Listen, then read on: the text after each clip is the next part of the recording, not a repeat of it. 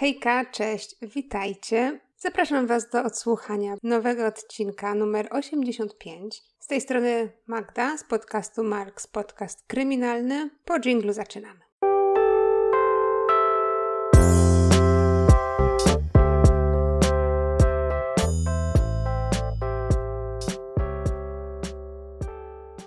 Dzisiaj opowiem Wam historię 17-letniego Blake'a Chappella.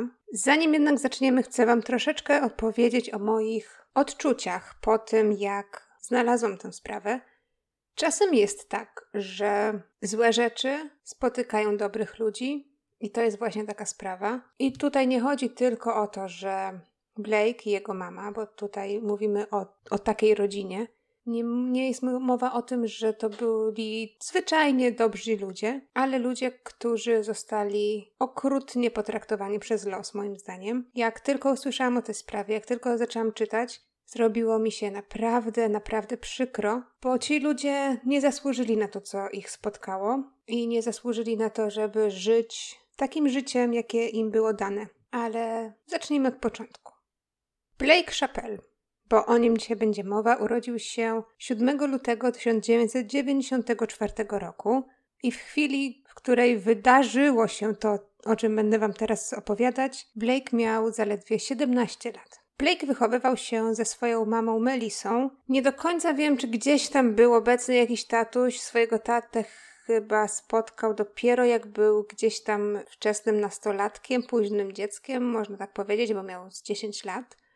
Blake głównie spędzał czas właśnie będąc wychowywany przez mamę i Melissa wydaje mi się, że zrobiła dobrą robotę, ponieważ Blake był nie tylko takim człowiekiem, dzieckiem, nastolatkiem, który lubił ludzi, był duszą towarzystwa, lubił sport, no to jak wiadomo, każdy nastolatek, lubił gry. Y, wydaje mi się, że największą pasją Blake darzył grę Guitar Hero, w której był naprawdę, naprawdę dobry. Poza tym, no tak jak y, zwykle, spędzał swój wolny czas z kolegami. Uczył się też ok, ale Blake'a wyróżniało przede wszystkim to, że miał naprawdę, naprawdę dobre serce.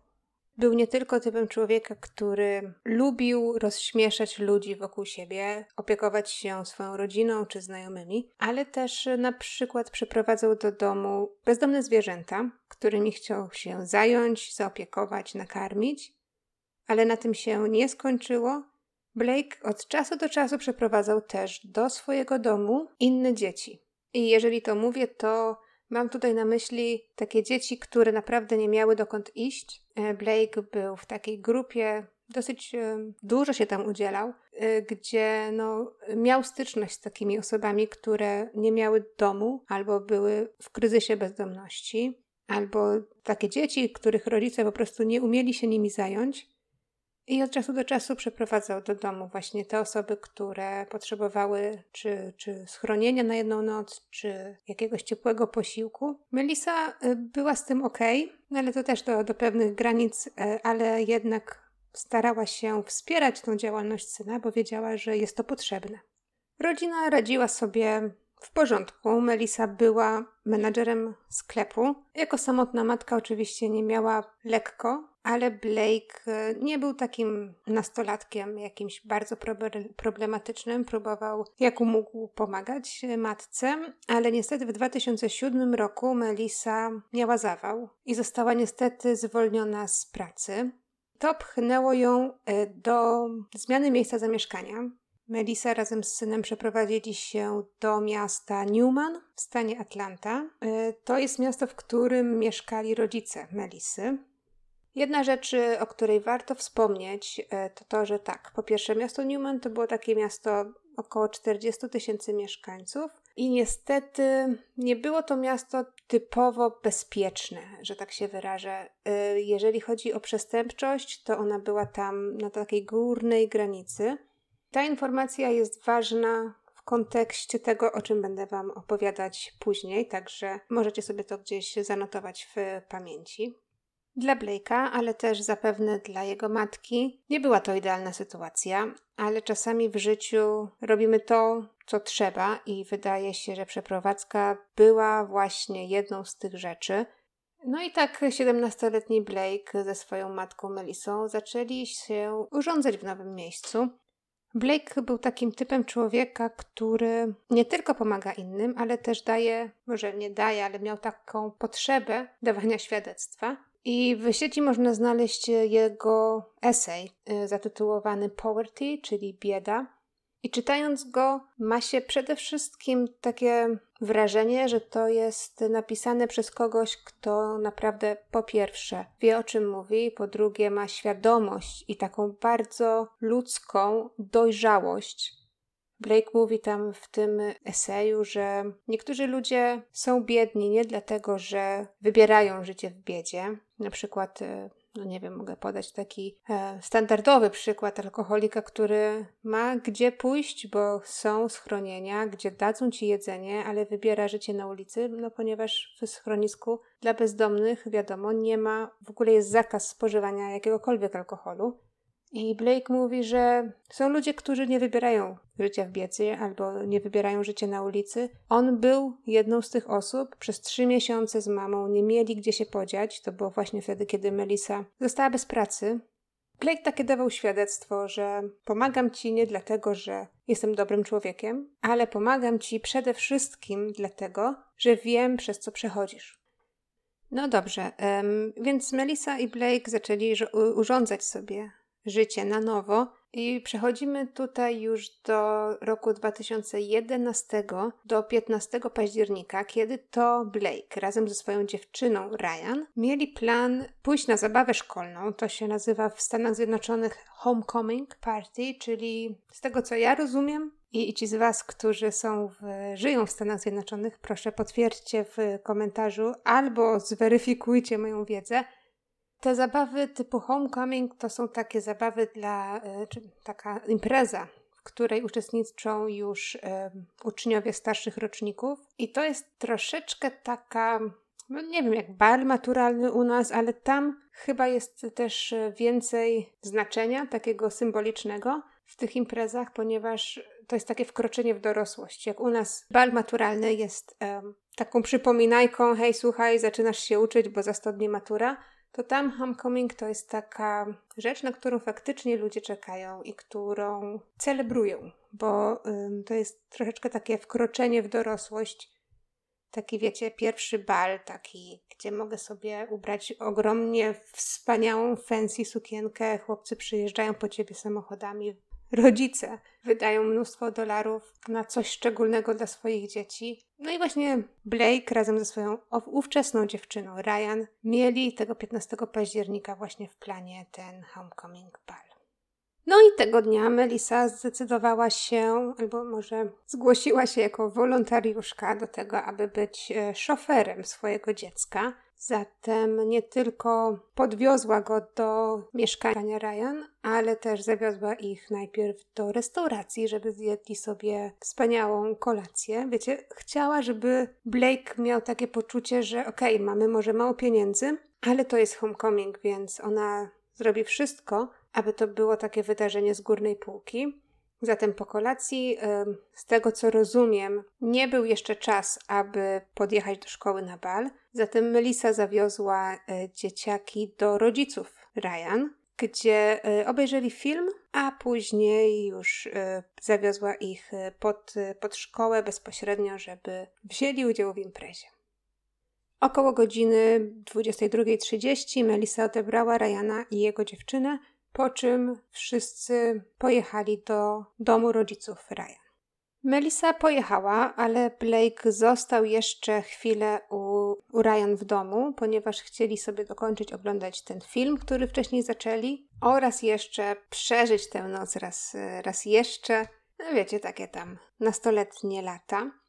Około gdzieś tam godziny 11.30 miał, tak się umówił, że, że miał wrócić do domu, ale zmieniły mu się plany. Albo powinnam może powiedzieć, żeby już faktycznie wejść w taki mini detal, Blake chciał, żeby jego plany się zmieniły. Um, następnego dnia o godzinie 11 miał um, umówiony plan ze swoją dziewczyną Ryan, więc pomyślał sobie, że zamiast wracać teraz do domu, który jest trochę e, drogi od domu Ryan, pójdzie na noc do swojego kolegi Ostina, który mieszkał niedaleko. Zatelefonował do Melisy z pytaniem, czy może tak zrobić. E, na to Melisa zgodziła się, ale niechętnie. A to z racji wydarzeń, które przydarzyły się Blake'owi parę miesięcy wcześniej. Będę o tym mówić za chwileczkę, bo to jest bardzo, bardzo ważne. To, co przydarzyło się Blake'owi, no nie było fajne i dlatego Melissa nie do końca chciała, żeby Blake pałętał się e, gdzieś na, na zewnątrz po zmroku. Było to niebezpieczne. Blake był troszeczkę, wydaje mi się, na celowniku. Z nie swojej winy, już od razu chcę tutaj zaznaczyć. I Melissa na początku nie chciała się zgodzić na to, żeby, no jest, jest północ. Nie ma praktycznie nikogo na ulicy. Blake miał y, iść jakiś odcinek drogi do domu swojego kolegi Ostina. Melisie się to nie podobało, ale w końcu po namowach Blake'a zgodziła się, tylko powiedziała, że okej, okay, idziesz, ale pamiętaj, ja pozwalam ci zostać u Ostina pod warunkiem, że będziecie w domu, że nie wychodzicie nigdzie i idziesz po prostu do łóżka spać. Następnego dnia o 11 wracasz do Ryan, a później prosto do domu, na co Blake się zgodził. Szczęśliwie okazało się, że Blake nie musiał iść do swojego kolegi, a mama Ryan go tam zawiozła, więc wiemy na pewno, że Blake tam dotarł, że wszedł przez y, wejściowe drzwi i był u swojego kolegi Ostina. Ale pewnie niektórzy z Was już się domyślają, pomimo tego, co ja wcześniej powiedziałam o Blake'u, że to był dobry chłopak, to był jeszcze jednak nastolatek, i to, co obiecał mamie, to obiecał. Dobrze, mamo, będziemy w domu, ale okazuje się, że Blake i Austin pomyśleli sobie, że może fajnie by było wypaść na pobliską stację gazową i kupić e, jakieś fajki. Co uczynili? Jednak e, okazuje się, że stacja była zamknięta, więc chłopaki musieli wrócić do domu. Tam kontynuowali posiadówkę, tak to mogę nazwać. Pisali jeszcze z, ze swoimi znajomymi, Aż w końcu im się chyba znudziło i Austin powiedział, że idzie spać. Blake też miał iść spać, ale okazuje się, że około godziny drugiej, trzeciej nad ranem Blake powiedział Austinowi, że hej, słuchaj stary, wracam do swojej dziewczyny, do, do Ryan, pójdę na piechotę. Austin powiedział, spoko, rób co chcesz, ale tutaj masz e, moją kurtkę, w razie gdyby było za, e, za zimno i klucze od domu, bo ja i tak będę spał. I w tym samym czasie, teraz już wiemy z zeznań na policji, Ryan potwierdziła, że faktycznie Blake do niej wtedy jeszcze napisał, że hej, słuchaj, zamierzam do ciebie wpaść. Zatem tutaj wiemy na 100%, że to nie był żaden szwingiel, że, że Blake faktycznie chciał zobaczyć się jeszcze raz z Ryan. Droga do domu Ryan miała zająć Blake'owi około godziny i faktycznie mamy tutaj datę, że około godziny 4.30 nad ranem Blake napisał do Ryan, że hej, słuchaj, jestem w drodze, niedługo będę. I faktycznie tak się zdarzyło. Ryan później na policji też zeznała, że Blake w tamtym czasie miał ciemne spodnie i białą bluzę z kapturem oraz swoją kurtkę, więc y, wydawać się mogło, że nie przystał na propozycję Ostina, nie wziął jego kurtki, ale ubrał się w swoje ciuchy i wyszedł do Ryan. Po dotarciu na miejsce jednak okazało się, że plan Blake'a nie wypalił tak w stu procentach, ponieważ około, nie wiem, z pół godziny po tym, jak Blake dotarł do domu Ryan, to było już tak mniej więcej około piątej nad ranem, wstała jej babcia. Babcia usłyszała, że coś dzieje się w pokoju wnuczki, że ktoś rozmawia i przyłapała Blake'a w pokoju Ryan i mówi do niego: Hej, słuchaj, stary, tak nie będzie, dzwonię do twojej matki. Więc Blake po pierwsze, w tamtym czasie nie chciał mieć tej bardzo, ale to bardzo nieprzyjemnej rozmowy z Melisą.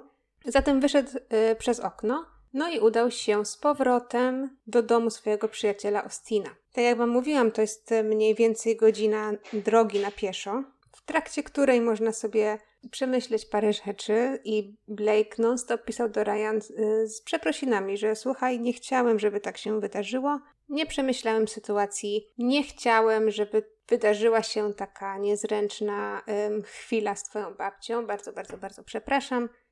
W międzyczasie Blake też pisał z mamą Ryan i ta w końcu powiedziała, wiesz co stary, okej, okay, spoko, nie ma sprawy, rozumiem, nie rób tego więcej, uznajmy, że nie ma tematu. Jak ta sprawa już była wyjaśniona, widzimy tekst z telefonu Blake'a do Ryan. Około godziny 5.30 Blake mówi, że słuchaj, zatrzymała mnie policja. Mówi, że był jeden policjant, y, że wylegitymował mnie, spytał, gdzie idę, dał mi też pogadankę na temat tego, że może nie powinienem być y, o 5.30 na dworze, powinienem być w domu, ale okej, okay, spoko, wszystko w porządku. I tutaj niestety, ale ta wiadomość y, tekstowa około godziny 5.30 to była ostatnia wiadomość, którą Ryan otrzymała od Blake'a. Ciutkę później, około 6.30, mama Ryan weszła do pokoju córki, żeby się zapytać, czy Blake dotarł na miejsce, bo akurat od godziny 5 do, do 6.30 to już pewnie dotarłby do domu um, swojego kolegi. A Ryan powiedziała, że no niestety nie wie, bo pomimo tego, że ona pisze do Blake'a, to Blake nie odpisuje. Okej, okay, mama Ryan prawdopodobnie pomyślała, że jest e, ciut świt, 6.30. Blake był całą noc na nogach. Pewnie wrócił do Austina, zapomniał napisać i teraz śpi. Zatem y, mama Ryan przeczekała i około godziny 9.30 poprosiła Ryan, aby skontaktowała się ona z Austinem i zapytała, czy Blake do niego dotarł i czy wszystko jest w porządku. Austin jednak niestety nie mógł tego potwierdzić. Szukał w domu, ale Blake'a tam nie było. Nie było też żadnych śladów tego, żeby Blake kiedykolwiek do domu doszedł. W sensie nie było jego butów, nie było jego kurtki, nie było żadnych śladów tego, że spał w łóżku. Zatem e, mama Ryan razem ze swoją córką zaczęły przeszukiwać teren, w sensie takim, że wsiadły w samochód i zaczęły wolno jechać. Tam chyba są dwie drogi e, z domu Ryan do domu Ostina. Pomyślały, że może zobaczymy, może coś gdzieś się wydarzyło po drodze, może Blake, nie wiem, złamał nogę na przykład, albo upadł, no cokolwiek innego. Zobaczymy, może coś faktycznie stało się po drodze i będziemy w stanie od razu pomóc. To w niczym jednak nie pomogło, Blake'a nie było nigdzie widać. Wspominałam Wam o tym, że wcześniej Blake razem z Ryan mieli plany na godzinę 11, więc matka Ryan pomyślała sobie, że okej, okay, może Blake poszedł do jakiegoś innego kolegi i że przyjdzie do nich do domu o godzinie 11. Obie czekały. O 11 Blake się nie pojawił. I tutaj e, jeszcze jedna taka mała notka na marginesie. Tata Ryan nie był obecny przy poszukiwaniach tego ranka, ponieważ gdzieś tam miał plany przygotować się do sezonu polowań. Wyszedł wcześniej z domu, wrócił około godziny 12 i wtedy zaczął pomagać w poszukiwaniach, ale no nic Żadna, żadna rzecz, którą y, rodzina zrobiła, nie przybliżyła ich do tego, żeby wiedzieć, gdzie jest Blake, i wtedy w końcu, w końcu skontaktowali się z Melisą, z matką Blake'a. Ja tak sobie teraz myślę, dlaczego matka Ryan nie skontaktowała się z Melisą wcześniej, Dlaczego jej nie zawiadomiła, że jej dziecko zaginęło, tylko czekała do godziny 12, żeby jej o wszystkim powiedzieć? To jest ciutkę dziwne, ale no może była w szoku, może myślała, że chłopak ma 17 lat i wie lepiej, że dobrze wie, że jest prawie dorosły i, i że nie potrzeba alarmować jego matki i jej stresować niepotrzebnie. Możliwe, gdy Melissa dowiedziała się, że Blake'a nie ma i że nie można go nigdzie znaleźć, poszła na policję, żeby złożyć raport o zaginionym dziecku. Jak zwykle zaczyna się przeszukiwanie terenu, czyli od domu rodziców Ryan do domu Austina wszelkie możliwe ścieżki zostały przeszukane. Policja na tamtą chwilę szukała wszystkiego, czyli chłopaka, który na przykład leży nieprzytomny gdzieś w trawie, albo jakiegoś, nie wiem, kurtki czy, czy buta, śladów krwi, śladów pocisków i w końcu nawet ciała. Nic jednak nie zostało znalezione. Na policji zeznają wszyscy, którzy mieli cokolwiek wspólnego ze sprawą Blake'a, i wtedy jego dziewczyna Ryan też zeznaje, że Blake napisał do niej, że o godzinie około 5.30 został zatrzymany przez policjanta Z tego co wiem, e, policja ma taki obowiązek, żeby jakiekolwiek zatrzymanie zgłosić. To są procedury bezpieczeństwa. Jeżeli policjant przed zatrzymaniem jakiegoś człowieka zgłosi to, że planuje zatrzymać taką i taką postać albo taki taki samochód w takim w takim miejscu, Gwarantuje sobie bezpieczeństwo. Jeżeli coś się stanie, no to przyjedzie ekipa ratunkowa, żeby, żeby y, go wspomóc. To są też raporty, które muszą być. Zatem policja z, pomyślała sobie, że za, zaczniemy tam. Przeszukali raporty o zatrzymaniach tamtej nocy.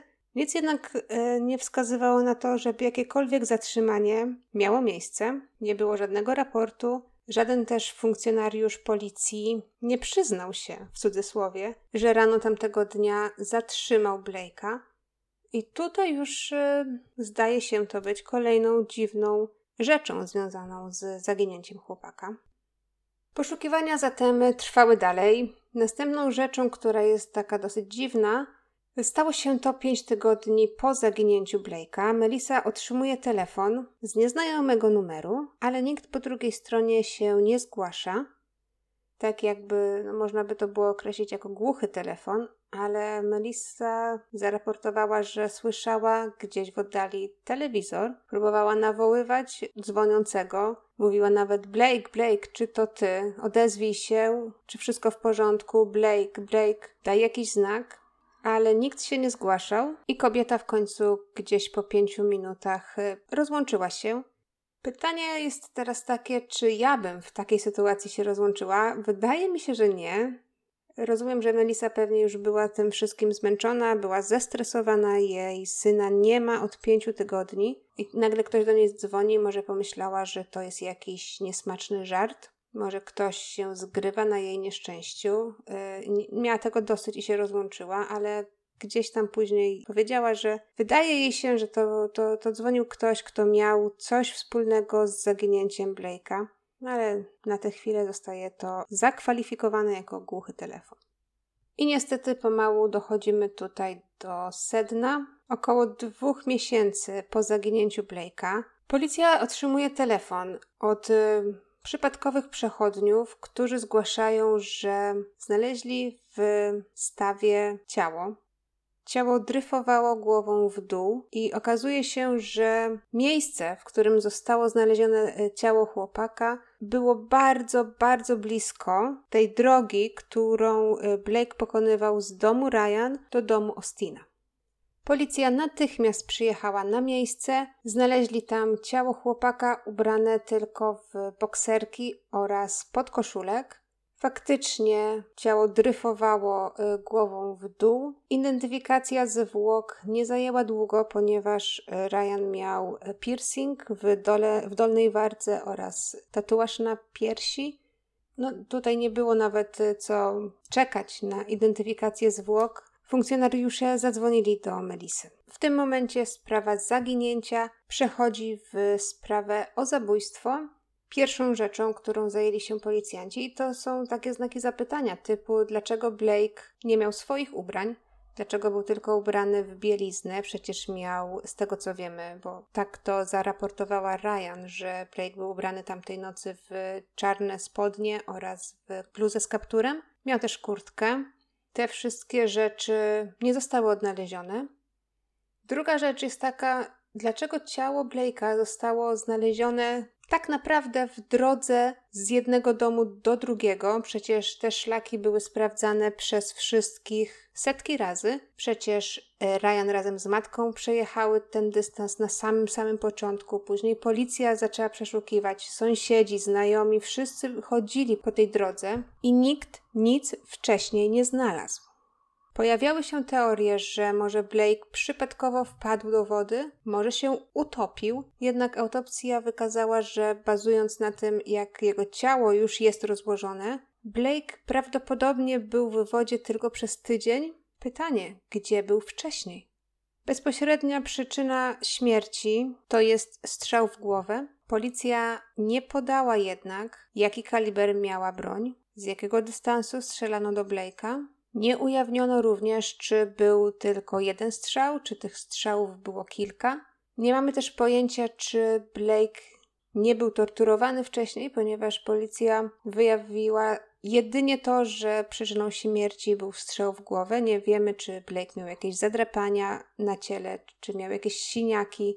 Co jest dziwne, ponieważ policja nie wyjawiła tych informacji do wiadomości publicznej, ale nie wyjawiła ich również matce Blake'a, która w obliczu tak ogromnej tragedii, czyli stracie syna, nie mogła nawet y, dostać żadnych szczegółów na temat tego, czy Blake na przykład przed śmiercią był torturowany, czy może był przetrzymywany przez miesiąc, może był głodzony. Nic nie wiadomo. Policja później powiedziała, że przyczyna, dlaczego nie wyjawiają żadnych y, więcej szczegółów y, do opinii publicznej, jest taka, że te szczegóły zna tylko zabójca. I z racji tego, że nie wiemy, gdzie Blake był zamordowany, policja nie ma żadnego miejsca zbrodni, nie ma się na czym oprzeć, dlatego nie chcą ujawniać więcej, więcej szczegółów. No, teraz sobie myślę, Czasami jest taka, tak, że policja gra w jakieś gierki psychologiczne i wypuszcza w, do wiadomości publicznej fake news. Mogliby na przykład zrobić tak, że nagle powiedzieli, że, że znaleźli kurtkę Blake'a, na przykład. I wtedy po pierwsze sprawa by odżyła, bo to już jest 11 lat. Po drugie, może sprawca przeżyłby te wspomnienia na nowo, może dopadłyby go wyrzuty sumienia, coś by się może ruszyło, jednak policja podjęła taką, a nie inną decyzję. Może mieli jakieś poważne powody, dla których nawet Melisa nie zna ostatnich chwil życia swojego dziecka, albo przynajmniej przypuszczeń e, co do tego, jak Blake zginął i czy zginął po dwóch miesiącach, czy zginął od razu. No, to jest straszne dla matki. Okej, okay, e, ruszając teraz dalej, teorie. Pierwsza teoria jest taka, że w sprawę zabójstwa lub zniknięcia Blake'a mógłby być zamieszany ojciec Ryan. Mówiłam Wam wcześniej, że na samym początku ojciec Ryan nie był uwikłany w poszukiwania, ponieważ miał wcześniej plany, aby przygotowywać się na sezon myśliwski. Wiemy, że ojciec Ryan umiał strzelać, skoro był myśliwym. Nie było go rano w domu, mógł zatem skłamać rodzinie, wytropić Blake'a, dać mu nauczkę, bo jednak Blake był widziany w sypialni jego córki nad ranem. Nie miał pozwolenia, żeby tam być. Może w jakimś nagłym przypływie furii coś się wydarzyło złego. Może ojciec Ryan chciał go tylko upomnieć, ale niechcąco na przykład go skrzywdził w taki czy inny sposób. Policja oczywiście przeszukała dom rodziców Ryan, a nic nie znaleźli. Ojciec został oczyszczony z zarzutów, jednak gdzieś na forach pojawiają się takie mm, głosy, że no nie do końca ludzie y, temu wierzą. Wydaje mi się, że tu akurat nie ma nic y, takiego nadzwyczajnego, żeby się przyjrzeć. No jednak to są nastolatki i takie rzeczy się zdarzają i niestety rodzice nastolatków muszą być przygotowani również psychicznie na takie y, ewentualności Um, ojciec Ryan nie jest też e, żadnym takim człowiekiem, który jest um, agresywny, więc wydaje mi się, że to taka, taka teoria, żeby, żeby, żeby była, ale no tutaj nic akurat nie ma związanego z prawdą.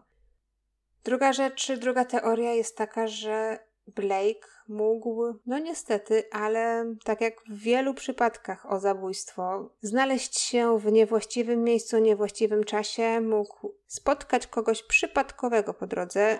I jak mówię kogoś, to mam na myśli na przykład seryjnego zabójcę albo człowieka na dragach. Ktoś go mógł na przykład potrącić, a, a później zabić, albo nawet nieumyślnie zabić. Chciał zatrzeć ślady. Zawsze jest w takich w takich sprawach niewyjaśnionych zawsze jest możliwość, że morderstwo było przypadkowe, albo morderca był mordercą seryjnym, nie chciał um, tego zrobić, ale akurat tak mu się y, nadarzyła okazja. Tutaj troszeczkę się nie śmieję, ale wyolbrzymiam sprawę. Jest taka możliwość. Tego nie wiemy, ponieważ, tak jak mówiłam, policja nie ujawniła szczegółów, także nie wiemy nawet czy na, na, na ciele Blake'a nie było żadnych na przykład y, nie tylko nie tyle śladów, ale odcisków palców, chociaż no, e, ciało Blake'a było przez tydzień w wodzie, wydaje mi się, że odciski palców już e, dawno się zmyły. Jedną rzeczą, którą chcę Wam powiedzieć i która wydaje mi się najbardziej prawdopodobną teorią, jest historia o ojczymie byłej dziewczyny Blake'a. Teraz trzymajcie się swoich krzeseł, czy usiądźcie wygodnie, bo to, co przydarzyło się Blake'owi, to jest zupełnie historia nie z tej ziemi, albo e, wydaje mi się, że, że e, warto by było powiedzieć, że to jest historia, która może wydarzyć się w Stanach Zjednoczonych. O co chodzi? Już Wam mówię. Pamiętacie, jak Wam wspomniałam, że Melissa nie chciała, aby Blake był sam w środku nocy, ponieważ bała się, że coś mu się złego stanie? No właśnie, teraz wyjaśnię Wam, dlaczego Melissa miała takie obawy. To nie były tylko takie obawy, które są zwykłymi obawami typowych rodziców. Melissa miała bardzo dobry powód.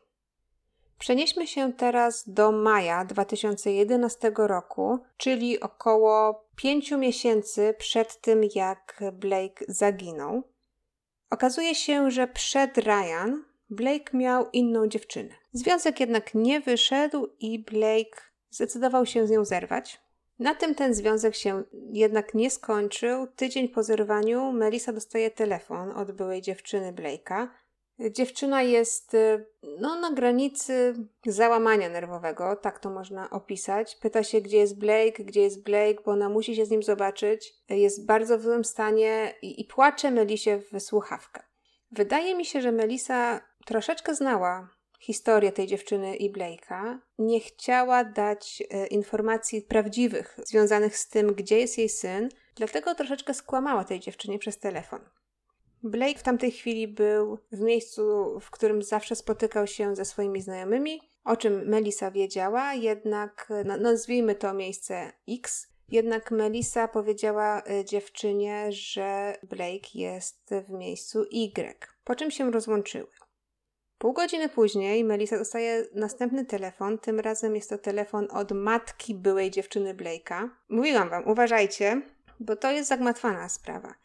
Więc matka byłej dziewczyny Blake'a dzwoni do Melisy i mówi, że nie może znaleźć swojej córki. Ma przypuszczenie, że córka poszła odwiedzić Blake'a i chciałaby wiedzieć, gdzie Blake jest w tym momencie, bo chciałaby znaleźć swoją córkę. I teraz Melisa myśli sobie, okej, okay, no to troszeczkę jest tutaj za dużo tego wszystkiego.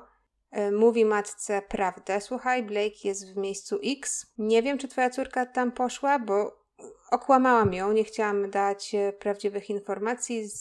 Historia tego związku jest taka i owaka. Ale idź yy, i, i tam zerknij, może twoja córka tam jest. I tak się też stało. Matka byłej dziewczyny znajduje Blake'a, oskarża go o to, że nie wiem, przetrzymuje jej córkę, ale yy, Blake nie ma pojęcia o co chodzi. Jest ze swoimi znajomymi, dobrze się bawią.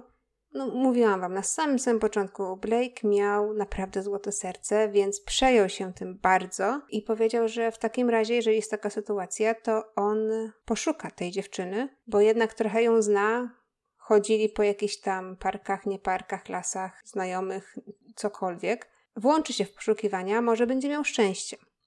Jak powiedział, tak też zrobił. W międzyczasie matka tej byłej dziewczyny trochę nie ustępuje, dzwoni znowu do Melisy i mówi: Nie ma jej tutaj, gdzie powiedziałaś. Mam nadzieję, że twój syn nie jest zamieszany w to, że mojej córki nie ma. A Blake naprawdę nie był w to zamieszany, nie chciał mieć z tą dziewczyną nic wspólnego, jednak poszedł jej szukać, no bo był dobrym człowiekiem. I okazuje się, że po jakimś czasie Blake faktycznie znalazł tę dziewczynę. Siedziała sobie na ławce w parku. Co było bardzo, bardzo dziwne, to to, że była ubrana od stóp do głów w jego rzeczy. Dziwne, bo dziwne, ale Blake wtedy myśli: OK, znajdźmy telefon. Akurat nie miał przy sobie komórki wtedy. Znajdźmy najbliższy telefon, zadzwonimy do twojej mamy, bo ona cię szuka i się martwi.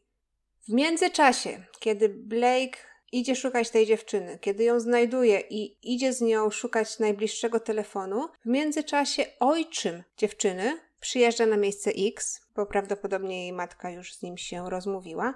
Yy, ojczym przyjeżdża nie sam, ale z grupą swoich ziomków i bronią szuka Blake'a. Na miejscu X mówiłam wam, że Blake spotkał się z kilkoma swoimi znajomymi. Ojczym dziewczyny wycelowuje pistolet w jednego z kolegów Blake'a i pyta się: Słuchaj, gdzie jest Blake? Muszę się z nim skontaktować, mam coś dla niego.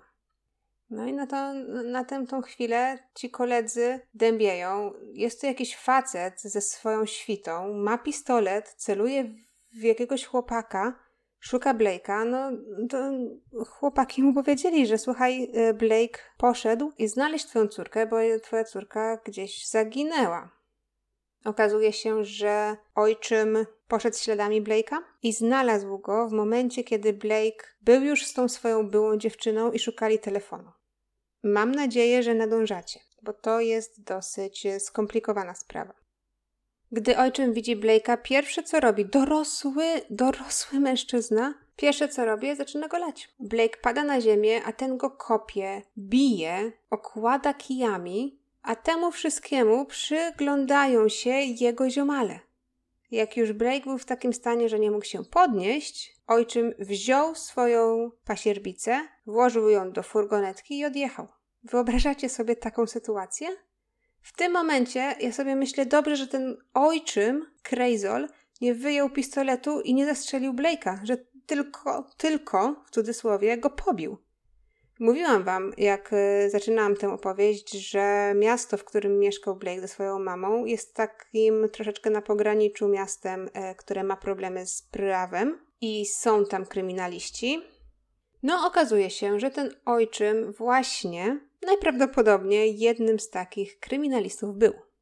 Po tym jak ten ojczym odjechał, jego koledzy, jego koledzy, koledzy Blake'a próbowali mu pomóc, zadzwonili na pogotowie. Z tego co, co, co czytałam, Blake był w takim stanie, że nie mógł się sam podnieść z podłogi. Koledzy musieli mu pomagać.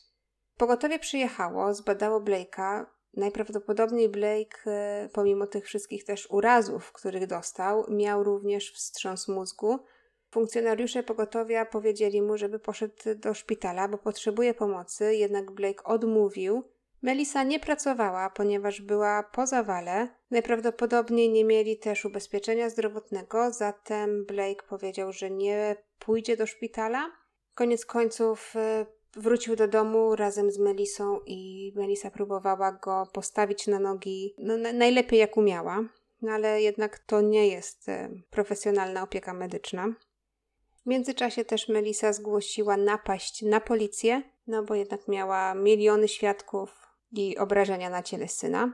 Policja przyjęła sprawę, powiedzieli Melisę, żeby poszła do domu i że ktoś z funkcjonariuszy się z nią skontaktuje. Po czym dzień później Melisa otrzymuje telefon, z drugiej strony przedstawia jej się funkcjonariusz, pyta o szczegóły, co się wydarzyło. Melisa reportuje wszystko z najmniejszymi szczegółami i też mówi, że słyszała, że ten ojczym już zastrasza świadków wydarzenia, tych wszystkich nastolatków, że jeżeli coś powiedzą policji, to on się z nimi rozprawi. Melisa otrzymuje odpowiedź od swojego rozmówcy typu: A czemu miałby to zrobić? Co było dziwne, ale stwierdziła, że okej, okay, nie będzie się przejmować szczegółami. Dwa tygodnie po tym telefonie Melisa otrzymuje kolejny telefon, tym razem znowu od funkcjonariusza policji, tylko innego. Przedstawia się jej, mówi, że on bardzo przeprasza, że wcześniej nie zadzwonił w sprawie napaści na jej syna, ale po prostu nie miał czasu. I wtedy Melisie przyszło do głowy, że okej, okay, no jakby relacjonuje temu, temu swojemu rozmówcy drugiemu, że co się wydarzyło, że już otrzymała telefon. Mówi, nie, to jest niemożliwe. Ja jestem jedynym śledczym na tę sprawę. Tu jestem ja tylko przydzielony, nikt inny. I tutaj znowu pojawiają się takie przypuszczenia, że ten pierwszy telefon, który został wykonany do Melisy dzień po tym, jak zgłosiła napaść na syna do policji, został wykonany przez ojczyma byłej dziewczyny Blake'a, że on się podawał za funkcjonariusza policji i chciał dowiedzieć się czegoś więcej na temat y, sprawy i czy Melisa coś wie, co mogłoby mu dodatkowo zaszkodzić. Koniec końców, na tamtą chwilę Melisa myśli sobie, okej, okay, no ten ojczym jest troszeczkę e, świrnięty, ale dzwonił do mnie policjant, policja się tym wszystkim zajmie. Jednak parę tygodni po tym telefonie Melisa otrzymuje kolejny telefon od policji, y, w którym to policjant mówi, że chciałby zobaczyć ją i Blake'a na posterunku w sprawie zamknięcia tej sprawy. Melisa uznaje, że to jest dosyć dziwne. Sprawa się jeszcze tak naprawdę nie rozpoczęła, ale idzie na posterunek razem ze swoim synem, gdzie na tym posterunku policjant wzywa małoletniego, bo Blake był wtedy, y, miał 17 lat. W świetle prawa jeszcze nie był pełnoletni, więc musiałby składać zeznania w obecności kogoś dorosłego, jednak Melissa nie była obecna na zeznaniach Blake'a, ponieważ jej na to nie pozwolono. Co jest dziwne, ale gdy Melissa myśli sobie, okej, okay, no jakby policjant nie daje mi pozwolenia, żeby tam wejść, no to zostanę. No jestem na posterunku otoczona policją zewsząd, nie będę się awanturować. Blake y, poszedł, złożył zeznania, pewnie jeszcze raz. No nie wiemy, czy złożył zeznania, pogadał z policjantem, na co później policjant um, wychodzi z pokoju przesłuchań i mówi do Melisy: Okej, okay, wszystko załatwione, przecież Blake to wszystko zmyślił i tak, sprawa zamknięta. Melisa nie rozumiała nic z tego, co się, coś, co się dzieje. E, byli świadkowie pobicia. Była dziewczyna Blake'a, też zaraportowała na policję, że wydarzyło się to i tamto, że faktycznie jej ojczym pobił jej ex-chłopaka. E, najprawdopodobniej jeszcze czytałam, że gdzieś było nagranie, na którym ojczym przyznaje się do tego faktu, czy przyznaje, no jakby w prześmiewczy sposób mówi, że hej, pobiłem takiego małoletniego, dałem mu nauczkę. Melisa o tym wiedziała, powiedziała to policji, a policja nic z tym nie zrobiła. Mało tego, żeby jeszcze dodać do tego wszystkiego, policja oskarżyła Blake'a. O co go oskarżyła, pytacie? Blake w tamtym momencie miał 17 lat. Ta jego była dziewczyna miała lat 16. Policja zatem wytłumaczyła, że Blake ingerował w kwestie opiekuńcze. Dziewczyna miała swoich rodziców, którzy byli jej opiekunami, a Blake przez to, że ta dziewczyna chciała do niego uciec, on to zainicjował i tym samym stanął jakby okoniem przed wolą jej prawdziwych rodziców. To jest dosyć skomplikowane. Blake y, poszedł do więzienia na 16 dni. Już nie będę, oszczędzę Wam y, dalszych szczegółów, ale z tej całej informacji wynika, że ojczym tej byłej dziewczyny miał chyba jakieś mocne wtyki w policji. Nie wiem, czy ich szantażował, czy były może jakieś porachunki mafijne, narkotyki, no cokolwiek. Nie chcę strzelać, ale widać, że coś jest tutaj na rzeczy, bo policja, przynajmniej normalnie funkcjonująca policja, nie powinna się tak zachowywać, a widzimy, że tutaj jest absurd na absurdzie. Ważne są tutaj jeszcze, żebym Wam powiedziała dwie rzeczy. Pierwsza rzecz jest taka, że po tym jak Blake wyszedł z więzienia, zostali um, on i Melissa bardzo nas zastraszani. Na przykład e, o trzeciej w nocy ktoś pukał do ich drzwi, włączał światła reflektorów samochodu zaparkowanego przypadkiem przed ich domem. Gdzieś tam Blake razem z Melissą mieli też e, zwierzęta, te zwierzęta też wracały do domu. To są chyba psy jakieś e, poszarpane.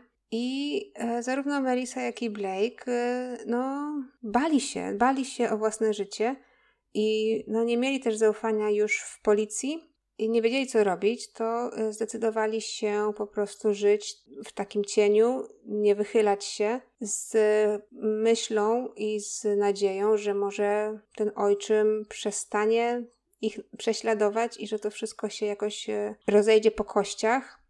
E, druga rzecz jest taka, że sprawa, bo jakby Blake był w więzieniu, ale nadal była sprawa wytoczona przez policję w jego imieniu, w której pewnie też e, jednym ze świadków byłby ojczym tej jego byłej dziewczyny. Ta sprawa była w kalendarzu na 24 października. Blake zginął 15 października. Wydaje mi się, chyba jeżeli nadal daliście radę dotrwać do tego momentu i jakby nadążacie za tym, co mówię, wydaje mi się, że ojczym miał coś z tym wspólnego i nie chciał, żeby do tej sprawy, do tego przesłuchania 24 doszło.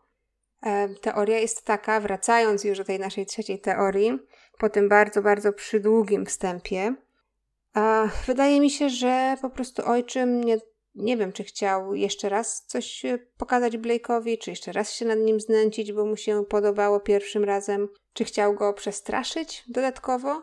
Może nie do końca chciał go zabić, chociaż tutaj nie wiemy nic. Wiemy natomiast, że ojczym tej byłej dziewczyny posiadał przecież y, jakiś pistolet.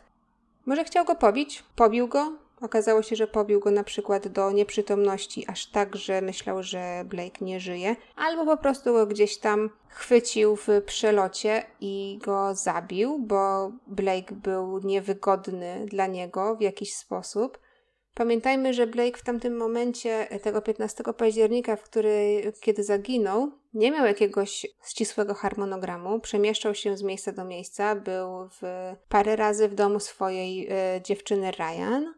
Był przecież na kolacji, był na tym balu w swojej szkole, potem nieoczekiwanie, bo to, to nie było planowane, nieoczekiwanie poprosił matkę, żeby zostać na noc u swojego kumpla na, gdzie jeszcze w końcu nie został na noc, tylko poszedł z powrotem do swojej dziewczyny, gdzie został po pół godzinie wykopany, że tak powiem, i wracał z powrotem do swojego kumpla. Wydaje mi się, że mógł być śledzony. Jeżeli nie bierzemy pod uwagę teorii z przypadkowym zabójcą, e, jeżeli bierzemy pod uwagę teorię, że w zabójstwo Blake'a mógł zostać zamieszany albo był zamieszany ojczym jego byłej dziewczyny, to wtedy wydaje mi się najprawdopodobne, że po prostu ten ojczym go śledził i wyśledził w końcu moment, gdzie Blake był sam i był tak zwanym łatwym łupem, niestety. Ech, i, I teraz tak, na zakończenie. Sprawa Blake'a Chapela jest frustrująca z wielu powodów. Teraz, jak sobie myślę, najbardziej smutnym y, faktem w tym momencie jest to, że jego matka do tej pory nie wie, co zda zdarzyło się z jej synem przed śmiercią. Nie wie, dlaczego ktoś go zabił, nie wie, dlaczego w taki sposób ktoś mógł zabić jej najdroższego syna. Parę lat po śmierci Blake'a, Melissa y, dostała wiadomość, że ma raka. Także to wszystko jeszcze ją dodatkowo dobiło. Przecież już była po zawale, straciła dziecko, nie wie, co z tym dzieckiem się działo przed śmiercią. Czy był torturowany, czy nie, czy to był szybki strzał w głowę. Słuchajcie, no y, z tego co teraz wiem, jest nadal, policja nadal szuka mordercy jest 20 do, tysięcy dolarów chyba nagrody za wskazanie jakiejkolwiek informacji, która by ruszyła sprawę. Ciężko, naprawdę ciężko mi o tym mówić, bo to jest sprawa zagmatwana, ale taka sprawa też, gdzie naprawdę Blake był nie ze swojej winy uwikłany w coś, co koniec końców nie tylko zagroziło jego życiu, ale to życie ucięło. Jeżeli dosłuchaliście do tego momentu, to bardzo serdecznie Wam za to dziękuję. Mam nadzieję, że opowiadałam nie do końca zagmatwanie. Ja myślę, że, że ja starałam się, naprawdę starałam się to wszystko wytłumaczyć na tyle, na ile potrafiłam, najmniej skomplikowanie, jak potrafiłam. Dzięki Wam za ten odsłuch. Jeżeli zostaliście do tego momentu, to bardzo chętnie się o tym dowiem. Napiszcie mi w komentarzu, czy, czy dotrwaliście. I cóż, jeszcze raz dziękuję i my się słyszymy w następnym odcinku bardzo, bardzo niedługo. Trzymajcie się wszyscy cieplutko. Do usłyszenia. Buziaczki, kochani. Pa, pa.